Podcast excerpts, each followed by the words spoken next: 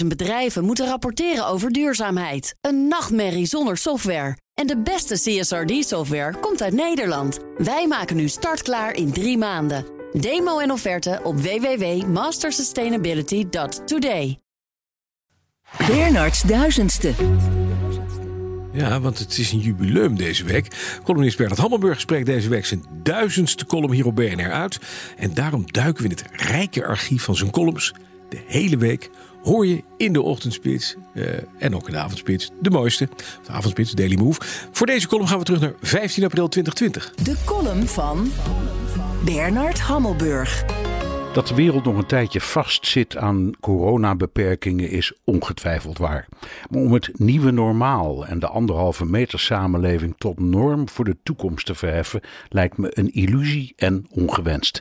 Het heeft ook iets stichtelijks, alsof we worden afgerekend op ons wangedrag, zoals vliegen of het bezoeken van een bioscoop, museum, festival of restaurant. Of oma, terwijl het niet de schuld is van oma, maar van een virus. Neem de ondergrondse in Tokio, met stations waarin het spitsuur per half uur een miljoen reizigers in en uitstappen. Beroemd zijn de perronwachters die met witte handschoenen aan de passagiers in de wagons proppen.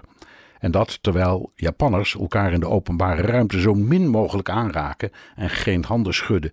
Die propvolle metro is echt binnen de kortste keren terug.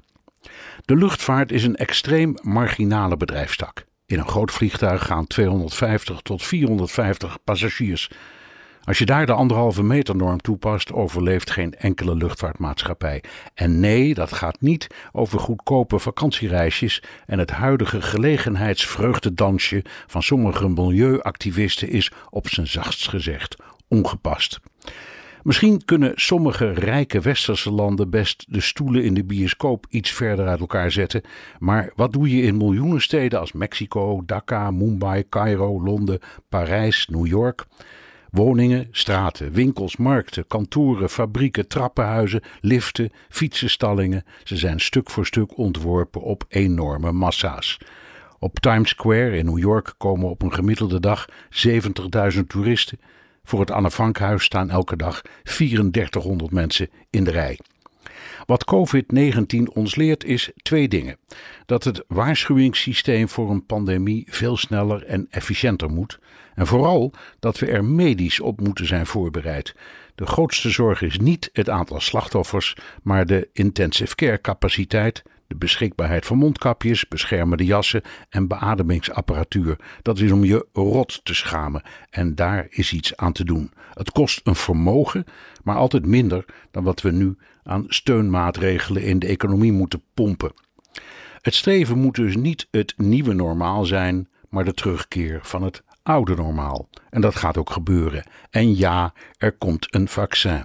Al is het alleen al omdat je gewoon je oma of tante moet kunnen knuffelen. En omdat al dat schichtige op afstand om elkaar heen springen de voortplanting erg lastig maakt. Columnist Bernard Hammelburg. Terugluisteren? Ga naar bnr.nl of de BNR-app. Ja, en dit was dus de column van 2020. Je bent weer terug in 2023.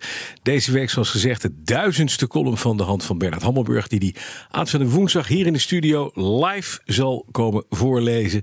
Dat is dus een absoluut luistermoment. En zoals gezegd, je kan alles terugluisteren wat, uh, wat eh, Bernard de afgelopen jaar in columns genoemd heeft. En je hoort ook de voorspellende werking feilloos op www.bnr.nl. 50.000 bedrijven moeten rapporteren over duurzaamheid. Een nachtmerrie zonder software. En de beste CSRD-software komt uit Nederland. Wij maken nu startklaar in drie maanden. Demo en offerte op www.mastersustainability.today.